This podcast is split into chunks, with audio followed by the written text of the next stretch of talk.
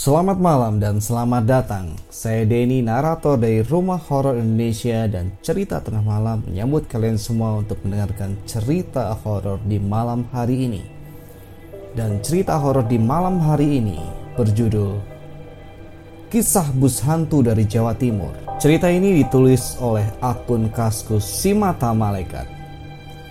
Ada kisah tentang seorang karyawan di sebuah pabrik roti di daerah Waru Sidoarjo Kebetulan dia baru saja mendapatkan pekerjaan di sana. Dia kos di sebelah timur terminal Bungurasi. Setiap beberapa minggu sekali dia menyempatkan pulang ke kampung halamannya di Banyuwangi guna mengambil beberapa barang untuk dibawa ke Sidoarjo. Untuk kembali ke Sidoarjo, biasanya ia menaiki bus dari Banyuwangi. Kebetulan ia seorang wanita, tidak disebutkan siapa namanya tapi kita sebut saja dengan Winarti. Waktu itu Winarti sedang menunggu bus pada malam hari ditemani gerimis. Winarti menunggu bus arah Surabaya tepat di pinggir jalan raya yang jauh dari rumahnya. Sebenarnya pihak keluarga sempat memberitahu Winarti agar jangan berangkat dulu. Kebetulan waktu Winarti berangkat adalah hari Jumat Legi. Menurut beberapa kepercayaan masyarakat Jawa zaman dulu, ketika malam Jumat Legi, seseorang dilarang untuk bepergian termasuk hari keramat selain Jumat Kliwon.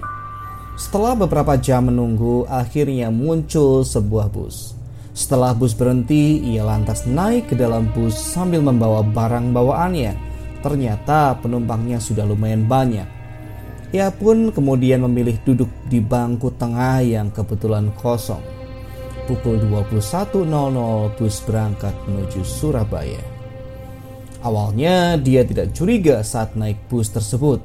Namun saat ia coba memperhatikan para penumpang yang lain, ternyata mereka semua memakai baju berwarna putih. Selain itu, kepala mereka juga tertutup kain berwarna putih juga. Meski sempat dibuat heran, Winarti tidak terlalu memikirkan hal tersebut. Ia pikir para penumpang mungkin sedang kelelahan dan mencoba untuk beristirahat. Tak lama kemudian kondektur mendekatinya untuk menarik ongkos.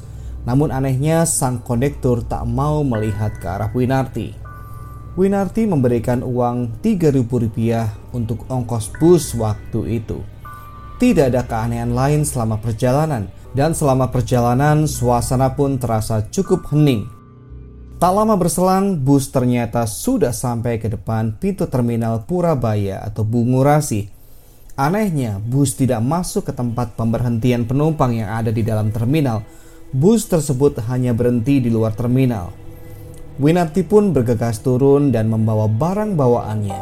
Sesaat setelah turun dari bus, tiba-tiba ia dihampiri satpam terminal. Satpam itu berkata begini, "Mbak, itu penumpangnya kok pocongan semua?" Tanya si satpam. Winarti pun mencoba menoleh ke arah bus yang baru dinaikinya. Ternyata benar apa kata si satpam. Saat ia melihat ke arah bus yang baru dinaikinya, Winarti sontak dibuat terkejut karena penumpang bus tersebut semuanya sudah terbungkus kain kafan. Ia cuma diam terpaku melihat hal tersebut. Kemudian Winarti coba melihat jam tangannya dan betapa terkejutnya dia. Ternyata jam baru menunjukkan pukul 21.05 Kemudian ia merasa sekujur tubuhnya lemas dan kemudian pingsan. Saat sadar ia sudah berada di sebuah ruangan di terminal. Lantas ia diberondong berbagai pertanyaan dari orang-orang. Kemudian ia menceritakan semua yang dialaminya, mulai dari naik bus di Banyuwangi sampai turun di Bungurasi. Ia pun masih tak percaya bisa sampai Bungurasi pukul 21.05 Padahal dia berangkat dari Banyuwangi pukul 21.00. Ia pun menunjukkan karcis yang ia dapat dari bus tersebut.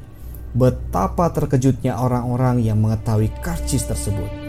Karcis tersebut menunjukkan tahun 1965. Menurut beberapa orang waktu itu, karcis tersebut adalah milik sebuah bus yang dulu sempat mengalami kecelakaan di tahun 1965 Bus tersebut melaju dari arah Banyuwangi menuju Surabaya.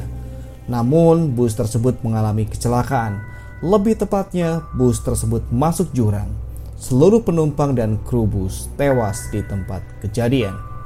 Sayangnya tidak diketahui PO bus apa yang mengalami kecelakaan di tahun 1965 tersebut.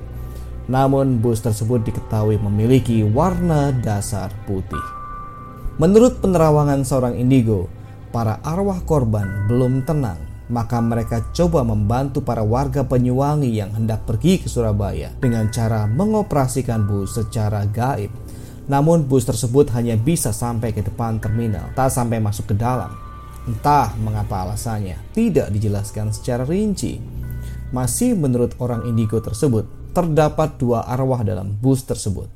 Arwah yang baik, ia yang akan membantu warga sekitar, serta arwah yang jahat, yang justru mengganggu pengendara yang lewat daerah sekitar bus agar mengalami kecelakaan yang sama seperti yang pernah mereka alami. Menurutnya, munculnya di malam tertentu saja seperti Jumat Kliwon atau Jumat Legi. Jarak Banyuwangi Surabaya yang mencapai 300 km normalnya dengan kecepatan konstan 60 km per jam dapat ditempuh sekitar 5 jam.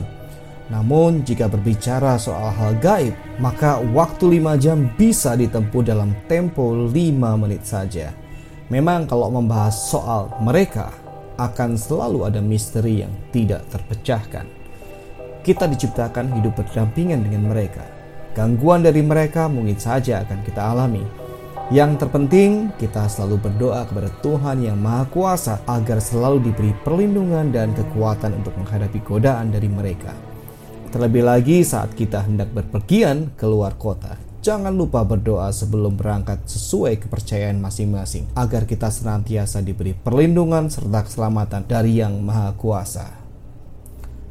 Oke teman-teman semua, itu cerita horor kita untuk malam hari ini. Terima kasih sudah mendengarkan sampai habis. Sampai ketemu di cerita horor berikutnya. Selamat malam, selamat beristirahat.